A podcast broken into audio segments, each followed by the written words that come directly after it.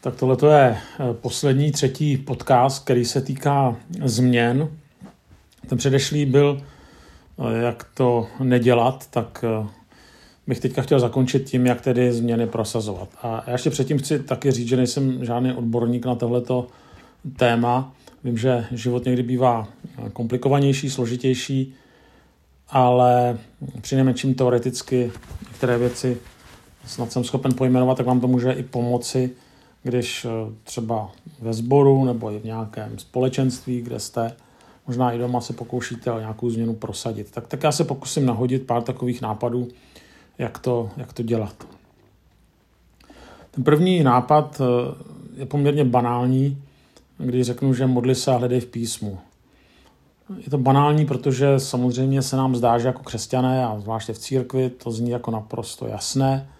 Dělá to přece každý, kdo eh, změnu prosazuje.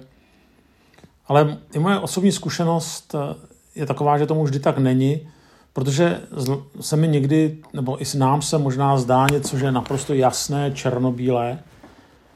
A zvláště, když se nám pak k něčemu otevřou dveře, no tak eh, jdeme cestou otevřených dveří, anebo jak se česky hezky říká, prostě chytíme příležitost za pačesy. Jaké, jaké pak zdržování se modlitbama nebo hledáním boží vůle. Jenže někdy se může stát, že se nám něco skutečně podaří velmi rychle, prosadíme nějakou změnu a najednou zjistíme za pár týdnů, měsíců, let, že se vlastně jednalo o krok vedle. Že děláme něco, co jsme vlastně úplně dělat nechtěli, jsme vstoupili do něčeho, co sice bylo jednoduché, ale pak už se z toho dělá zpátky cesta obtížně. A vlastně samozřejmě historie se neptá na co kdyby, ale tím, že jsme se kdysi možná více nemodlili, více nehledali Boží vůli, neptali se Pána Boha vůbec, tak, tak najednou eh, člověk zjistí, že Možná i proto se ocitl na, nesprávné cestě. Eh, jo, že děláme aktivity, které jsme prostě dělat začali, ani nevíme, proč jsme začali dělat, nebo víme, protože to šlo jednoduše, ale najednou zjistíme, že vlastně jsme je dělat neměli. Já si to uvědomuji i u sebe, že jsem některá rozhodnutí udělal, jenom proto, že prostě se mi zdálo, že se otevřela dobrá možnost a Stálo mi to později strašně moc energie, prostě ty aktivity třeba přestat dělat, nějaké utlumit. Jo, takže skutečně dejme, dejme si čas a i když se nám ty věci zdají naprosto jasné, přemýšlejme nad tím a modleme se za to hlavně. Zvláštní, eh, nebo zvláštní, příznačný je třeba Nehemiáš. Jo? Tam, tam víme, že on tady dostane výzvu, ten král se ho přímo zeptá, nebo myslím, že dost, nebo velmi ho, jako, nebo chce jít do Jeruzaléma, ještě než se ho předtím, než se ho zeptá ten král, místo aby hned vyrazil, tak tam čteme, že několik dní se postil a modlil.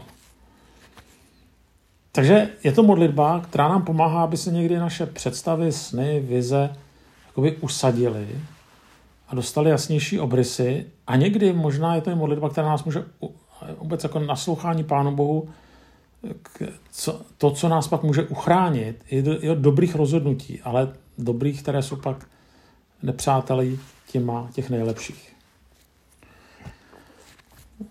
Druhá taková rada je, že diskutuj, ptej se všech, včetně těch, kteří s tebou nesouhlasí. Pokud ten první krok, který jsem navrhoval pro změnu, je rozhovor s Bohem, tak druhým krokem je rozhovor s druhými lidmi. Zase i tady to se nám může zdát jako automatické, ale ne vždycky tomu tak je. Proč? No, protože jakmile začneme mluvit s druhými, tak je vysoce pravděpodobné, že druzí v našich jistě geniálních plánech uvidí nedostatky a to se nám přirozeně nemůže líbit a to potom může zabránit tomu, abychom změny uskutečnili, anebo je alespoň uskutečnili tak, jak jsme chtěli ale každý potřebuje, každý plán potřebuje oponenturu, byť by byl sebe lepší. Nikdo z nás sám není schopen vidět všechny pro a všechny proti.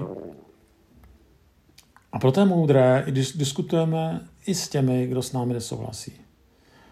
A skutečně důvodem není jakýsi masochismus, snaha sám sebe ničit, ale prostě nutnost slyšet hlasy od různých lidí i od těch, kteří zřejmě budou vidět, eh, kteří budou mít schopnost vidět různé zádrhely. Hmm, naslouchejme. Přísloví 11.14 je napsáno pro nerozvážné vedení padá lid, když to v množství rádců je záchrana. V podobném duchu je potom další text, přísloví 24.6. Boj zveď s rozvahou v množství rádců je vítězství. Oba ty texty se týkají vedení. Jo, tam jsme pro nerozvážné vedení padá lid. A, a boj veď s rozvahou, tak zase veď s rozvahou. Jo, takže vždycky je tam něco o vedení a oba dva ty texty zdůrazňují, že bez rádců vedení a s ním spojený boj, zápas, padá nebo prohrává. Tak pokud přísloví psal král Šalamon, tak bychom řekli, no to byl ten poslední, který by potřeboval radu, protože byl nejmudřejší z lidí. Ale jak víme, byl to právě Šalamon, který píše o tom, že je potřeba dobrých rádců. Třetí rada Vyučuj, vysvětluj. K mnoha nedorozuměním při prosazování různých dobrých změn došlo proto, že ti nositelé změny o něco usilovali. Ale lidé nechápali, o co jim vlastně jde a nechápali, čeho chtějí dotyční přesně dosáhnout. Ti vedoucí udělali chybu, že řekli informace, ale už je nevysvětlili. To se totiž násobí pak i tím, že eh, pokud jsou lidé znejištění, tak o změnách začnou mezi sebou mluvit. Někdy nechtěně přidávají další myšlenky, které už ten vedoucí nikdy neřekl, nezamýšlel, nezamýšlel. A my musíme mít na mysli, že to, co jsme my někdy promýšleli týdny, nebo to, co ten nositel změny promýšlel týdny, tak ostatní měli možnost slyšet, promýšlet chvilku nebo pár dní. To znamená, jejich nejistota je oprávněná. A když něco vysvětlujeme nebo vyučujeme, tak tím jednak jsme nuceni, aby jsme to nějak prostě museli přesně sformulovat, co tedy vlastně chceme. A samozřejmě další efekt je, že to pochopí potom i ti druzí lidé, samozřejmě v lepším případě. Problém některých vedoucích je v tom, že nemají trpělivost s vysvětlováním.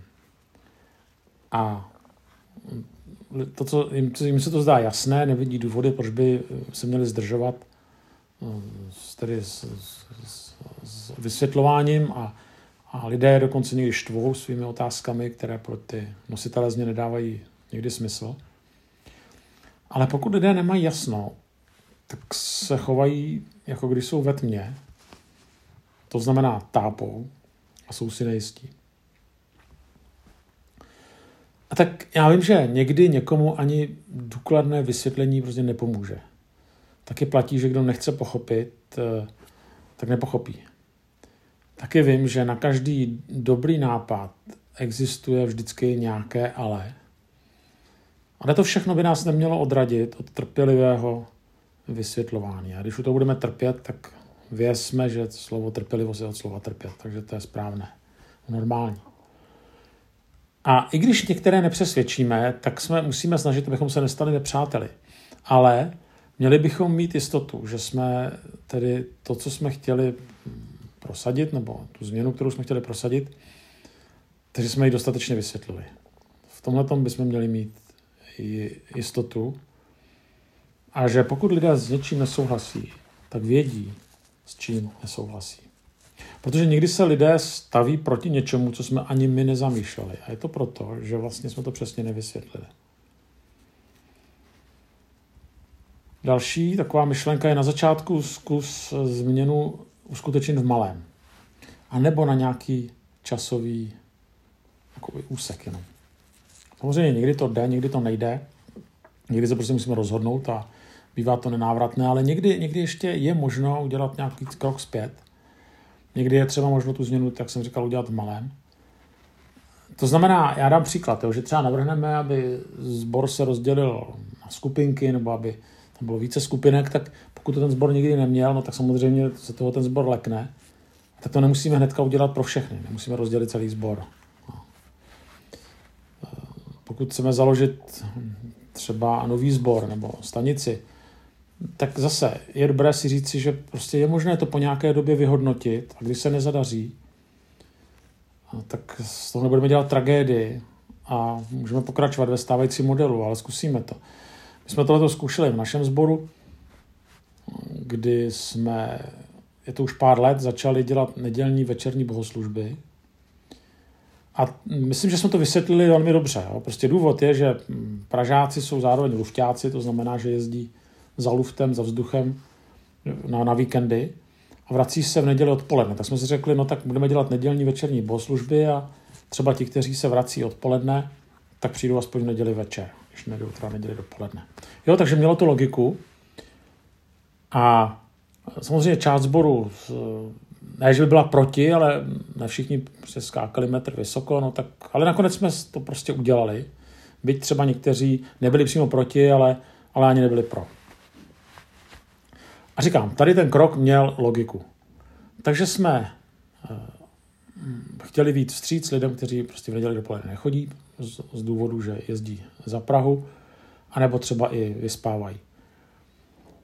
No, dopadlo to tak, že, první, že jsme to udělali rok, rok jsme to dělali a prvních několik nedělí to vypadalo, že jsme se skutečně trefili do černá. Já si vzpomínám do teďka, že jsem měl první tu bohoslužbu, přišla možná 50, 60, možná 70 lidí tak jsme si říkali, no tak to je odpověď. Jo. Lidé skutečně chodili a ti, kteří přišli, taky vítali eh, teda tuhle tu změnu.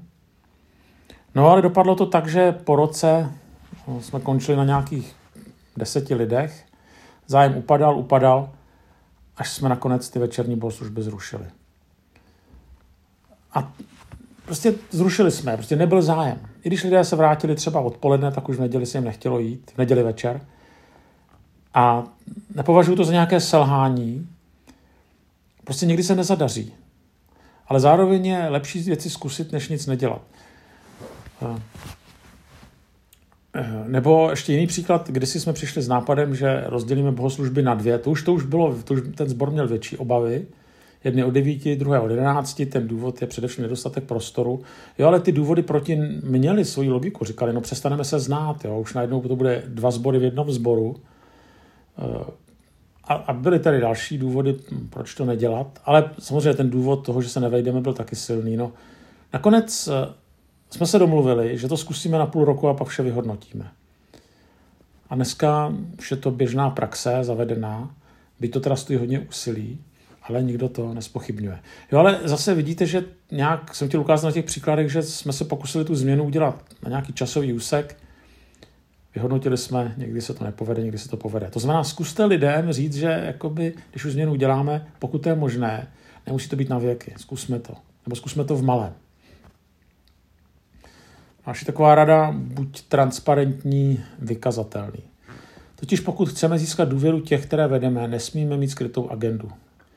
V tom smyslu, že zatajujeme některé informace, že třeba zatajujeme finance, jo, že e, zakládáme třeba další nějakou práci a teďka máme nějaký skrytý budget, o kterém nikdo neví. A to, to, je, to je prostě špatně. Jo. Nebo obcházení nějakých standardních procesů toho, kterého společenství nebo církve, jo, že když to tam je prostě tak, že něco mělo rozhodnout strašostvo, tak prostě samozřejmě strašostvo nerozhoduje všechno, ale o některých věci, když má rozhodnout, tak ho prostě neobchází. To není dobrý prostě více svou skrytou agendu, i třeba díky tomu, že si myslíme, že účel světí prostředky. Jo, no v krátkodobém horizontu to může se vyplatit. No, jo, že tam skutečně jakoby platilo to účel světí prostředky, byť to je hrozný přísloví. Ale dlouhodobě se to většinou vrátí jako bumerang. Jo, zvláště když pak přijdou některé krize, nepříjemnosti, tlaky, nedorozumění, a to se stane. Tak potom ty nekalé praktiky budou vyčteny.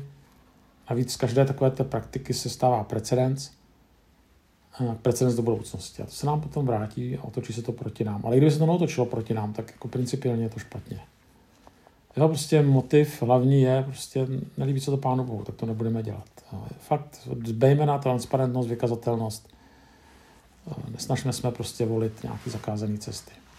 Protože jsme-li čitelní, pak i když s náma lidé nesouhlasí, tak eh, vědí, prostě aspoň na čem s náma jsou. A to je veliký vklad do další diskuze a hlavně do vztahu. A zároveň tímhle tím ukazujeme, že nám nejde na prvním místě o naši image nebo o naše ego. Tak a další taková rada je přizvy ke spolupráci. My nemůžeme přizvat samozřejmě všechny, ale někoho vždycky ano. Totiž pokud se lidé zúčastní nebo účastní, tak získávají pocit spoluvlastnictví. V tom nejlepším slova smyslu. Nikdo nevlastní církev, Boží království, ale myslím, že si rozumíme, že jsem z toho součástí, víc mi na tom záleží. Už to není jenom moje změna, je to naše změna. Není to tak, tak si dělejte, co chcete, ale pojďme do toho spolu. Potom ta motivace, aby se to dílo podařilo, se přenáší na další, kteří se účastní. A zároveň nabídka ke spolupráci komunikuje, že si tady nechce vytvořit svoje království a že mi nejde o uskutečnění jenom mých snů a cílů.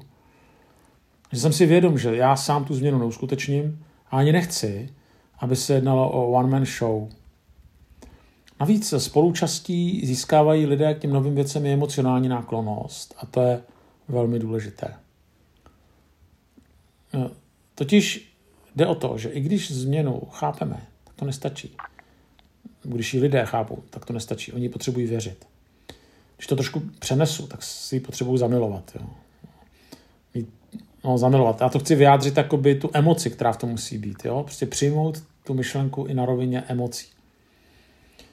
To znamená, nejde o to jenom chápat. Jde o víc. A to se děje právě i skrze spoluúčast.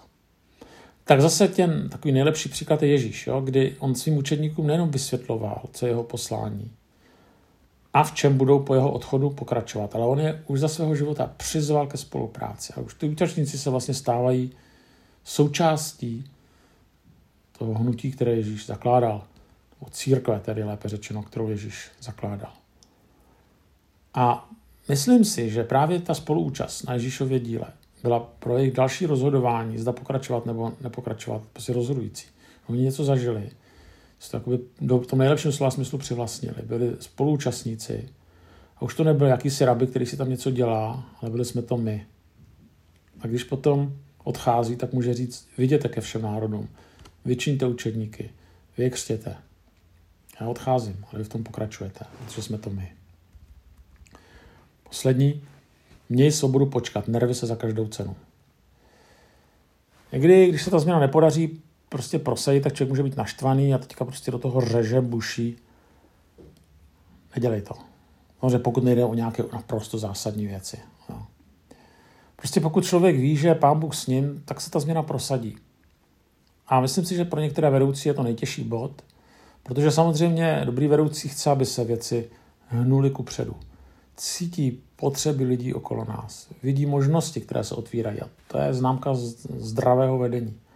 Někdy vedoucí překypuje touhou jít vpřed a potom narazí na, na lidi, kterému, kteří mu típnou tipec, jak se říká. A v takové chvíli je skutečně třeba zvážit, zda má smysl bojovat, jestli má smysl prokopávat zavřené dveře, nebo se dokonce urazit, anebo to rozhodnutí odložit. A to je taky jedna z možností. Říct, dobře, tak teďka ještě nenazrál čas, pojďme se k tomu vrátit za nějakou dobu. Jo. Ne, ne, jako neodkládejme to definitivně. A myslím, že tohle je důležité, aby jsme si řekli tak třeba za čtvrt roku, za půl roku, někdy se k tomu vrátíme, ale vrátíme se k tomu, nepohřbíme to. Jo. A, a musím mít jistotu, že ti lidé tady se k tomu skutečně chtějí vrátit, že to nedělá jenom kvůli mě. Samozřejmě někdy jsou situace, kde je třeba jít do konfrontace, zvláště když se jedná o etické věci.